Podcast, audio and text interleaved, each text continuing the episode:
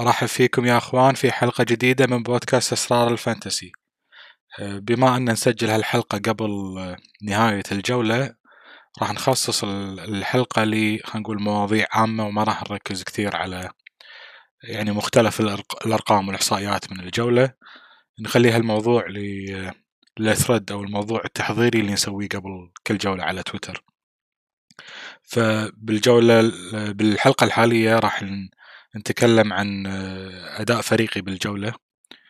آه، حتى الآن راح نتكلم عن عدة مواضيع رئيسية منها كيفية التعامل مع الجولات السيئة آه، مقياس الصبر على اللاعب. راح نتكلم عن أفضل وقت لل wildcard. بنتكلم عن بعض الأرقام بتخص أبرز الفرق.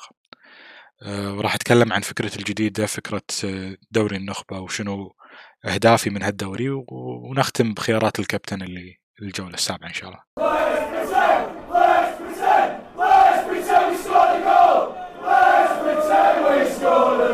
في بداية حديثنا راح نتكلم شوي بس عن الجولة الحالية اللي هي الجولة السادسة. مجموع نقاطي حاليا 27 نقطة. الافرج 33 نقطة للجولة حتى الآن. كابتني صلاح ما جاب شيء. النقاط الوحيدة بالجولة حتى الآن clean sheets من ايلينج ومن مكارثي آه، باقي لي سون وكين اللي عند أغلب الناس تقريبا ف آه، وفي منهم كابتنهم أيضا. آه، فغالبا أسهم حمراء راح تكون. المركز الحالي 400 و 400 و2000 تقريبا يعني هبوط تقريبا 150 ألف مركز. إذا شبكنا هالموضوع مع موضوعنا الرئيسي الأول. كيف نتعامل مع الجولات السيئة؟ أه، طبعا يساعد لما يكون افرج الجولة نفسها منخفض. يعني أنا صحيح أن مجموع نقاطي 27 أه، قليل لكن افرج القول الجولة حتى حتى اللحظة هم نازل. ف يعني الافرج راح يحكم أكيد أه، جولة كين وسون وأدائهم الليلة. لكن أشوفه ممكن يكون يعني حول الأربعين بداية الأربعينات 42 نقطة. فراح يكون حول ال average أنا بنهاية الجولة. وهذا اللي يخلينا يعني في وايد نقاش يكون ما بين آه، هل نروح differential هل نختار آه، فريق template واللعب خلينا نقول اللي يعتبرونه البعض ممل. هو حلو المزج بين الاثنين إنه يكون عندك آه، فريق تمبلت بشكل عام اللي هم اللاعبين الأكثر شعبية مع لاعبين أو ثلاثة ديفرنشل تفرق فيهم عن غيرك. السبب الرئيسي اللي اللي يخلينا نتجه هالاتجاه هو جولات مثل هذه. يعني جولة كارثية لكثير من المدربين لكن اللي يشفع لنا أن الكثير مكابتن كان صلاح الكثير عنده دفاع من من ليفربول وخسر clean sheet. الكثير كان مراهن على أستون فيلا وايفرتون مثلا وما جاب شيء. الكثير كان عنده لاعب وسط من من مان سيتي وخذله بالجولة. فلما تكون أنت خلينا نقول آه، مع التيار تسبح مع التيار بنسبة كبيرة من فريقك صحيح أن في جولات كثيرة ما راح تفرق وايد عن عن غيرك إلا بدفرنشل خلينا نقول بخيار الكابتن. لكن أيضا بالجولات السيئة ما راح تأثر وايد لأن أنت اختيارك من الاختيارات التمبلت الأكثر شعبية باللعبة فهذه ميزة لي لأنه يكون فريقك في نسبة لا بأس فيها من من اللاعبين الأكثر شعبية باللعبة. الشغلة الثانية اللي تخلينا خلينا نقول نتعامل بشكل آه، جيد مع جولاتنا السيئة هي أن تشوف آه، معدل نقاطك لجولات عدة مو جولة نفسها تركز عليها. آه، يعني إذا إحنا نتفق أن مثلا معدل ال 55 إلى 60 نقطة هذا معدل جيد للجولة الواحدة خلال الموسم. ف أنت شوف جولتك خلينا نقول ببلوك من أربع إلى خمس جولات. أه مثلا الجولة السابقة انت جبت 70 هالجولة انت جبت 40 110 افرجهم 55 نقطة أنت بالسليم مثلا. فهذا يخليك شوي ما تركز على جولتك السيئة إذا ما شبكتها وجمعتها مع عدة جولات راح يكون المعدل خلينا نقول ممكن يكون آه، أفضل من نقاطك بالجولة هذه فقط. إذا كان حتى معدلك نازل فمفروض تتجه على طول ان صحة فريقك ما هي آه، بالشكل الجيد. يعني صحة فريقك بشكل عام آه، عندك لاعبين مراهن عليهم ما قاعد يأدون في إصابات في خلل فريقك. فهذا يخليك ممكن تحاتي و... ولازم تسوي شغلة تعدل فيها من صحة فريقك بشكل عام لكن إذا معدل جولاتك بالمعقول حتى لو جولة من كل مثلا ثلاث أربع إلى خمس جولات تكون سيئة ما راح تأثر فيك آه، تأثير كبير. آه، نقطة أخرى هي إن الفوارق بسيطة يا جماعة بين المختلف المراكز في بداية الموسم، إحنا حاليا آه، يعني عدى على الموسم ست جولات. الفرق بين المركز العشرة آلاف والمركز المليون سبعة وسبعين نقطة ف 77 نقطة هذه أنت ممكن أنت ممكن تجيبها بثلاث جولات الفرق هذا فقط يعني. ومثل ما غيرك فرق عنك هل هل مجموع من النقاط خلال ست جولات؟ آه، ليش أنت ما تقدر تجيبها بست جولات بست جولات القادمة أو ب 16 جولة القادمة أو ب 30 جولة القادمة؟ ف الفوارق جدا بسيطة حاليا وبقى من الموسم كثير يعني. أنت قاعد تتكلم عن أكثر من ثلاث أرباع الموسم باقي. إحنا ما قاعد نتكلم عن الجولة 36 والواحد يحاتي شوي. الفوارق بسيطة و... وبإمكانك إن شاء الله اللحاق بال... باللي بالمقدمة. آه، شغلة مهمة لازم ننوه عليها بعد في من الفرق اللي أو المدربين اللي قدامك بالمراكز في منهم فرق نسميهم فرق الزومبي. هي آه، آه، في نوعية من اللعب اللي أنت تسوي فريقك وتنساه طول الموسم. فهذا ممكن اللي مختار مثلا صلاح أو كين كابتن ومختار هاللاعبين. تألقوا في بداية الموسم هذا ممكن يفرق عنك الحين مع إنه ما بدل ولا تبديل. لكن بعد عشر جولات مع ما إذا تغير الفورمة اللاعبين تغيرت الجداول دش موضوع ال double game weeks وال blank game weeks آه راح تفرق عن هالمدربين. شغلة ثانية في مدربين استخدموا خواص المساعدة في بداية الجولات اللي استخدم triple captain bench boost ال wild card مبتشر إذا أنت مو مستخدم إلا واحدة منهم مثلا ال wild card أو مو مستخدمهم أبد يعني. فأنت عندك خواص مساعدة كل واحدة منهم ممكن تعطيك 15 إلى 20 نقطة زيادة. فالفوارق يعني ما أشوفها مهمة أبد في بداية الموسم. إذا بنتكلم عن آه، طلب مني أخوي العزيز بجوري عن عن شواهد أو أمثلة على تقليص الفارق وتحسين المركز. آه، للأمانة يعني الأمثلة خلينا نقول اللي حصلت عليها أغلبها مو موثق لأن أنت ما تشوف ال game week data حق مواسم سابقة مو مثل الموسم الحالي أقدر أشيك عليها game week ل game week لكن من الشواهد اللي أنا أذكرها شخصيا آه، أحد المدربين أنهى الموسم الماضي في المركز يعني من ضمن الخمسين الأوائل على العالم على العالم. وكان للجوله السابعة أو التاسعة ما أذكر بالضبط. مركزه فوق المليون. آه، هاي متكلم عنها وهو باكثر من فيديو و وممكن نرجع لها عشان نحصل الرقم بالضبط لكن أنت متخيلون؟ متخيلين أنه من مليون ل من الخمسين الأوائل. أنا ما قاعد أكلمك عن مئة ألف ولا عشرة آلاف الأوائل. آه، في من الأمثلة الأخرى بالموسم الماضي أذكر بعد آه، استئناف الدوري إحنا قاعد نتكلم عن آخر تسع جولات. في مدرب استأنف الدوري وهو بالمركز 730 ألف على العالم. انهاه بالمركز 87 ألف. يعني تقدم قريب ال 700 ألف مركز بالتسع جولات هذه.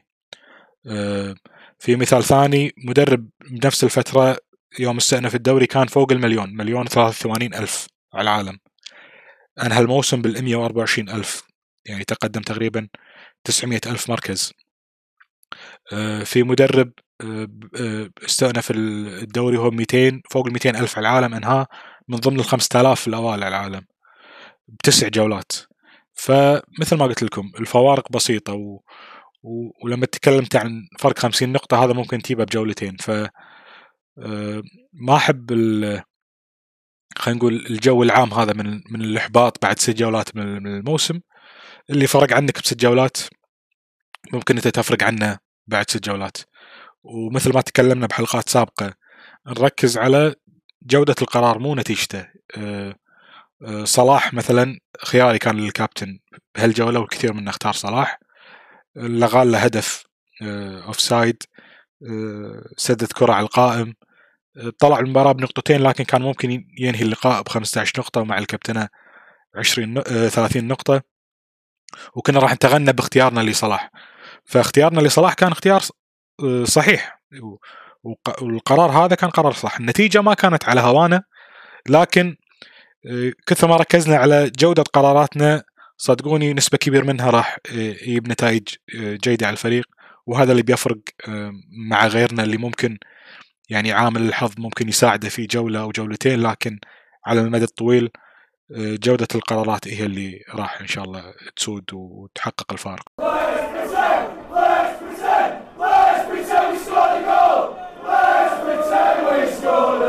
إذا بنتكلم عن محورنا الثاني آه، آه، مقياس الصبر على اللاعب. إيش كثر أصبر على اللاعب إذا إذا ما أدى أو طلع ببلانك يعني ما ساهم بأي مساهمة لجولة جولتين ثلاث إيش كثر أصبر على اللاعب؟ آه، شخصيا أنا أعتمد على عدة عوامل. إذا بنركز على ثلاث منها أنا اولا أقيم اللاعب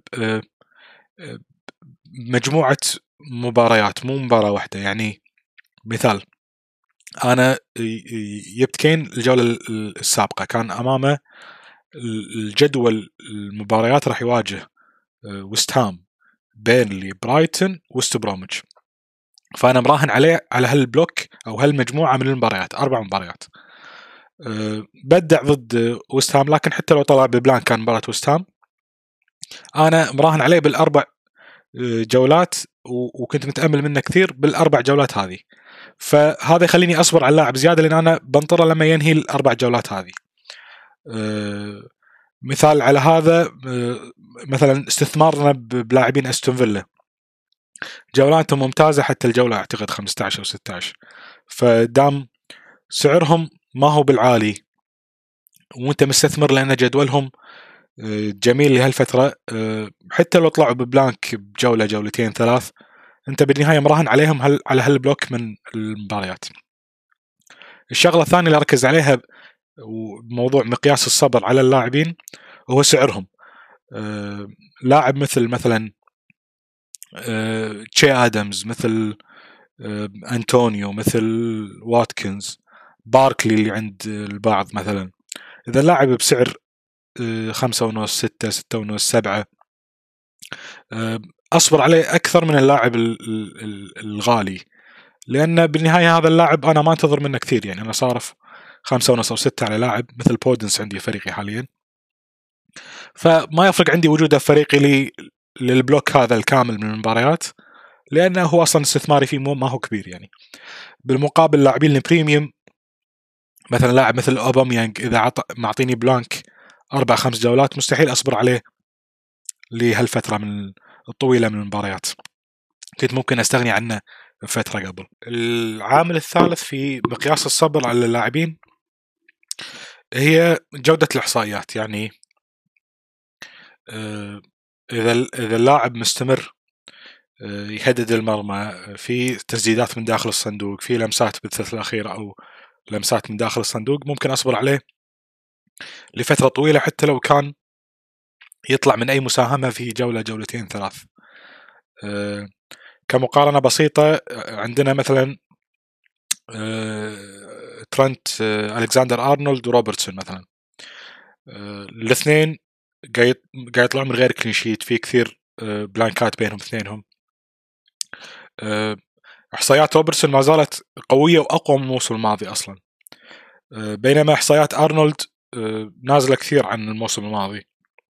ف آه، بغض النظر عن موضوع المساهمة أو مو المساهمة أنا راح أصبر على روبرتسون طبيعي لفترة أطول ما أصبر على أرنولد لأنه إحصائيات آه، روبرتسون أقوى من إحصائيات أرنولد فهالشيء ممكن نطبقه على بقية اللاعبين.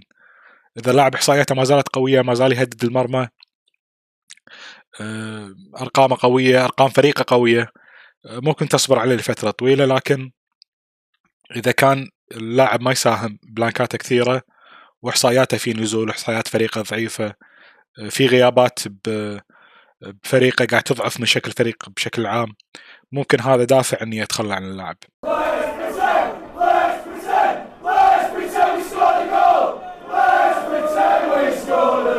يسألني أخوي سالم الشمري عن أفضل وقت آه، لاستخدام ال wild card.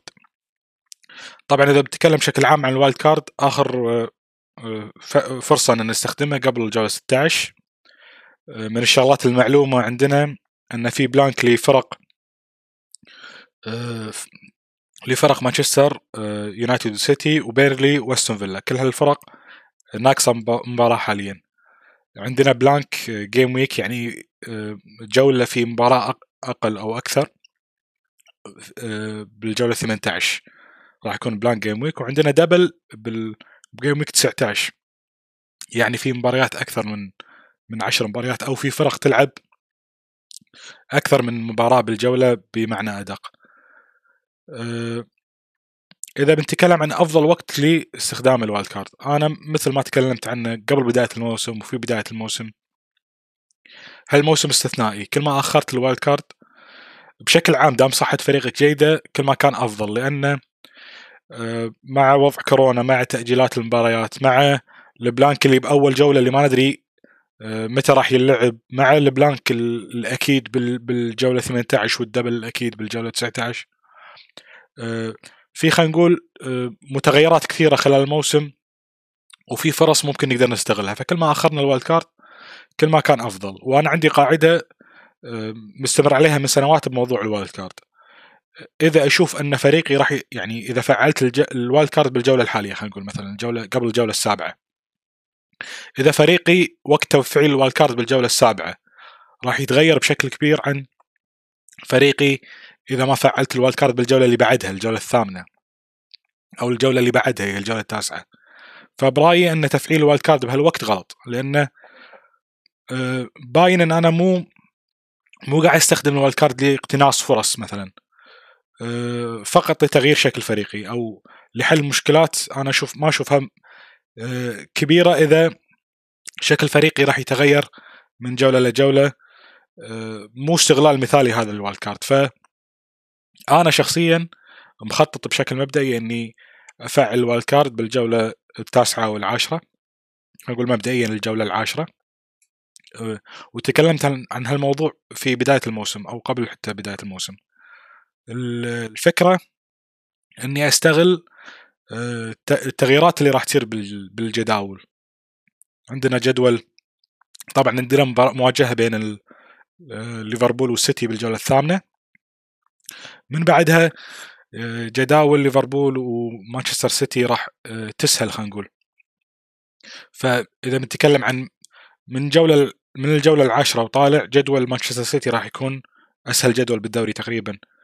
آه، ففرصة لاستغلال تغييرات الجداول من الجولة العاشرة. عندك جدول مان سيتي عندك الخيارات الميزانية مثلا من وستهام ولا من نيوكاسل. كل هذه جداول تتحسن. فريق مثل ليدز جدوله يتحسن كذلك. آه، بالمقابل في فرق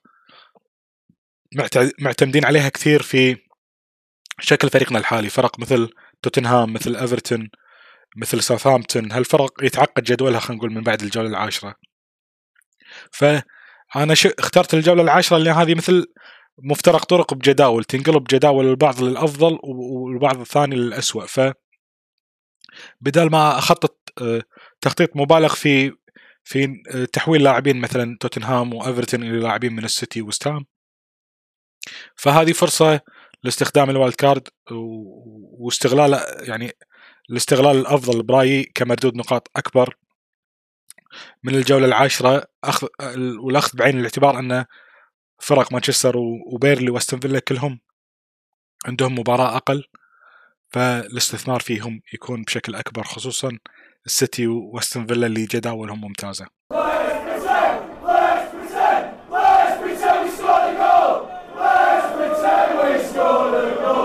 ودي خلينا نقول بشكل أه سريع أتكلم عن أه بعض الإحصائيات اللي ممكن تهم الكثير أو خلينا نقول مقارنات. عن فريقين مهمين لنا fantasy يا مانشستر سيتي وأيفرتون. مانشستر سيتي مثل ما ذكرت بالفقرة السابقة أنه من الفرق اللي مركز عليها أنا بموضوع ال wild card وجدولهم السهل. لكن إذا بنقارن بين أهم إحصائياتهم الهجومية بين الموسم الحالي أو خلينا نقول ما مضى من الموسم الحالي والموسم السابق. إذا بنتكلم عن الفرص المحققة. أه، كان معدلهم في الموسم الماضي 3.71 فرصة محققة في المباراة الواحدة. تقريبا أربع فرص محققة بالمباراة الواحدة. بينما بالموسم الحالي 1.8 يعني أقل من فرصتين محققتين في المباراة الواحدة الإحصائية نزلت لأقل من من النص موضوع الفرص المحققة. تسديدات من داخل الصندوق المعدل الموسم الماضي كان 13.4 تسديدة في المباراة الواحدة في الموسم الحالي 8.8 نزلوا تقريبا خمس تسديدات كمعدل المباراة الواحدة الأهداف المتوقعة كان نسبتهم الموسم الماضي 2.5 آه، أهداف متوقعة في المباراة الواحدة حاليا هي 1.4 يعني نزلت بمعدل تقريبا هدف لكل مباراة.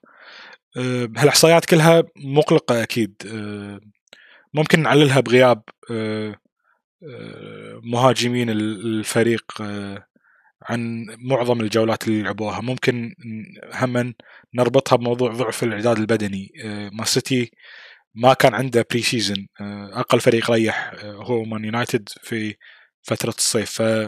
فتقريبا لعب دخل الموسم من غير تحضير بدني من غير إعداد من غير مباراة تجريبية. فممكن نعلل الاسباب الشغلة الثانية اللي تخليني ما أتسرع بالحكم على مان سيتي إن إحنا عندنا آه، جولة سابعة وجولة ثامنة وبعدين عندنا توقف دولي وبعد عندنا جولة تاسعة قبل خلينا نقول موعدي لتفعيل ال wild card أو قبل جدول مان سيتي الممتاز. فإحنا عندنا ثلاث جولات نحكم فيها على أداء اللاعبين الفريق بشكل عام.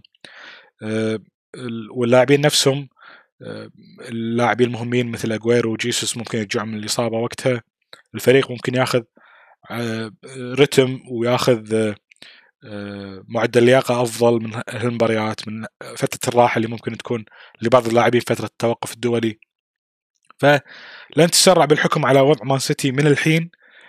ونعكسه على وضعهم شلون راح يكون وقت جدولهم الممتاز. فاحنا قاعد نتكلم عن فترة تقريبا شهر ونص ف بالشهر ونص كل شيء ممكن يتغير فلا نركز على الموضوع بشكل كبير. لكن الإحصائيات مبدئيا مثيرة للقلق و... وما تخلي الواحد يطمن على الخيارات الهجوميه من مان سيتي. إذا بنتكلم عن إيفرتون آه، طبعا الإحصائيات اللي بذكرها هذه للموسم الحالي فقط. آه، لفت نظري أن الفريق سدد فقط ست تسديدات في مباراة ساوثهامبتون بالأمس. اثنين منها داخل الصندوق وما حصل على ولا فرصة محققة. إذا بنتكلم عن افرج الفريق بهالموسم كمعدل معدلة سبعة فاصلة يعني سبع تسديدات ونص داخل الصندوق. مقارنة بتسديدتين فقط بالجولة الماضية. ومعدلة أيضا تقريبا ثلاث فرص محققة بالمباراة الواحدة والجولة السابقة أو الجولة الحالية ما حصل على أي فرصة محققة اللي عنده مثلا كالفرت لون ولا رودريغيز الوضع مغلق لأنه ممكن نربط موضوع ضعف الفريق هجوميا بالغيابات الكثيرة. إحنا قاعد نتكلم عن كولمان ممكن يغيب لكذا جولة عندنا لوكادين راح يغيب عن ثلاث جولات قادمة. عندنا ريتشارلسون راح يغيب عن جولتين قادمتين. ف أبهرنا الفريق ك 11 أساسي ك 11 لاعب أساسي في بداية الموسم. لكن فرق مثل إيفرتون ما عندها العمق في في التشكيلة. السكواد دبث أنه يتأقلمون مع الغيابات. ف أتوقع أن احصائيات الفريق الهجومية راح تتم نازلة في الجولات القادمة. آه، بالنهايه الأمر يرجع لكم إذا ودكم تستمرون في الاستثمار بلاعبينهم أو لا. أنا شخصيا عندي كالفرت لوين وراح أستمر مع كالفرت لوين لأن آه، جدول آه، ايفرتون آه، يظل معقول يظل سهل لأربع خمس جولات قادمة.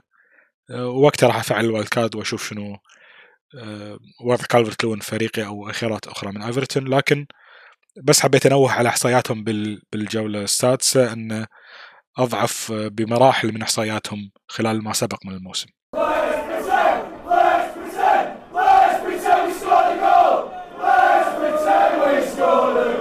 في آخر نقطة ودي أتكلم عن دوري النخبة. في فكرة آه، آه، شاركت فيها المتابعين على تويتر.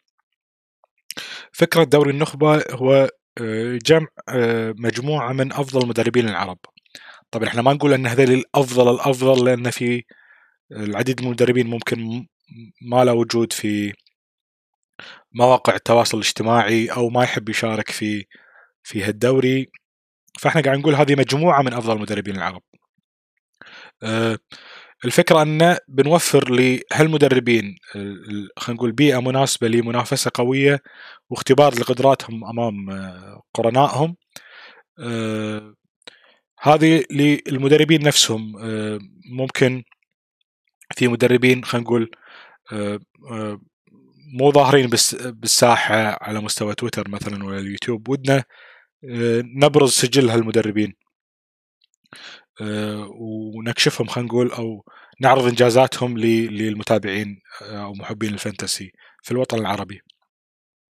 الشغلة الثانية الرئيسية اللي أهدف اللي هي هدف رئيسي من من إنشاء هذا الدوري دوري النخبة هي استخلاص إحصائيات تهمنا إحنا كمتابعين أو مدربين فانتسي منها استراتيجيات المدربين هذول اللي إحنا قاعد نخطط على 50 مدرب 50 مدرب في دوري النخبة.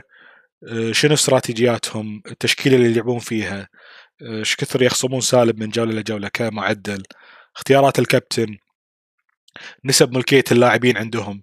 آه، مثلا إذا أنت محتار بين لاعب لاعبين ثلاثة تشوف أنه والله نسبة 70% من من من دوري النخبة هذا يمتلكون مدافع من أستون فيلا. فتشوف أنه تروح خيار من أستون فيلا شكله هذا الخيار الأفضل لأنه في مدربين نخبة متجهين الاتجاه أو ممكن العكس. تشوف أن آه، التوجه هذا رايحين اتجاه أنت ودك تروح ديفرنشل بخيار ثاني مثلا. آه، ف أنا الصراحه متحمس جدا لفكرة الدوري. آه، ودي أجمع بين أفضل مدربين. العرب في ناس يعني شفت أنا إحصائيات وأرقام وتاريخ وسجل بال fantasy ما شفتها من قبل. في مدربين ما كنت أدري أنهم موجودين. بيننا كمدربين عرب وصراحه سجلهم بال fantasy يشرف. فودي أتواصل مع مع هالمدربين. ودي نعرض آه، جولاتهم من من أسبوع لأسبوع. ودي أشوف مواسمهم وين تأخذهم خلينا نقول. إذا بنتكلم عن شروط الانضمام لدوري النخبة انه يكون عندك موسم ضمن ال 10000 الأوائل. إذا عندك موسم ضمن ال 10000 الأوائل تواصل معي سواء بالكومنتات تحت هذا إذا تتابع هالحلقة على اليوتيوب على أي أه مواقع للبودكاست أتمنى تشاركني بال team ID مال فريقك. تلقاه بال view gameweek history أو بال points تلقاه فوق عندك بالمتصفح. رقم آه، عادة يكون متكون من أربعة أو خمس أو ست أرقام. إذا تشاركني بال team ID لفريقك ويكون عندك موسم ضمن ال 10000 الأوائل نتشرف بانضمامك لدوري النخبة. طبعا تصوري لهال الدوري انه خلينا نقول هذه فترة فترة تجربة راح تكون هالموسم. بنشوف شنو الإحصائيات اللي ممكن نطلعها من الدوري. بنشوف سبل لتحسين استغلالنا لمثل هذه الإحصائيات شنو ممكن نسوي بشكل أفضل. تصوري للموسم القادم انه يكون في دوري نخبة وفي دوري آه، تصنيفي أو أكثر من دوري دوري للتصنيف.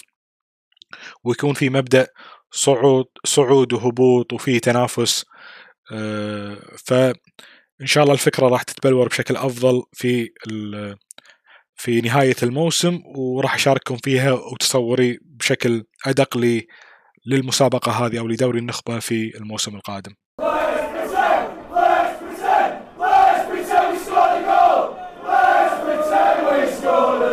إذا بنتكلم بشكل سريع عن الجولة القادمة الجولة السابعة أنا شخصيا ما أفكر إني أبدل ولا تبديل. نفكر إني أرحل تبديلي للجولة القادمة.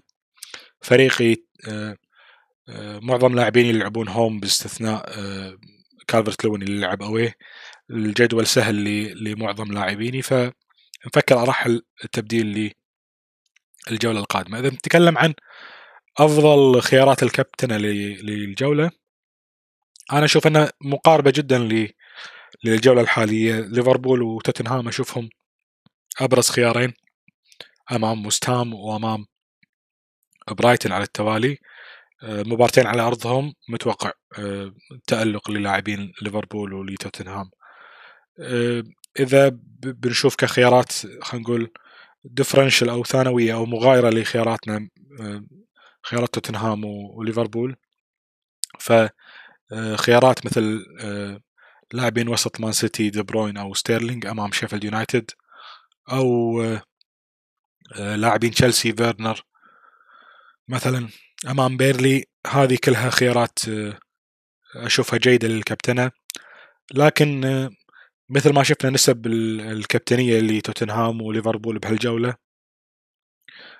ما أشوف أن الجولة القادمة فرصة للمخاطرة خلينا نقول. هذه من الجولات اللي حلو انه خلينا نقول تمشي فيها مع التيار لأن نسبة ال effective ownership أو نسبه الملكية الفعلية لاعب مثل كين أو لاعب مثل صلاح بهالجولة الحالية الجولة السادسة فاقت ال 100% فمعنى هالشيء أنه لو عندك أنت صلاح أو كين في فريقك حاليا ومو مكابتنهم النقاط اللي راح يجيبونها راح تضرك ما راح تنفعك. ف... فما بالك لو أنت مو مكابتن لا هذا ولا هذا رايح حق خيار ثالث. ف مو حلو يكون عندك لاعب فريقك وما تبي يجيب نقاط مو إنه تسعى له إنه يجيب نقاط. فموضوع نسبة الملكية الفعلية هذه لازم نركز عليه خصوصا بالجولات خلينا نقول الواضحة والمكشوفة مثل الجولة الحالية السادسة أو الجولة القادمة السابعة خصوصا موضوع الكابتنية. بالتوفيق للجميع ونتمنى لكم جولة سابعة أفضل بمراحل من الجولة السادسة. شاكر لكم متابعتكم.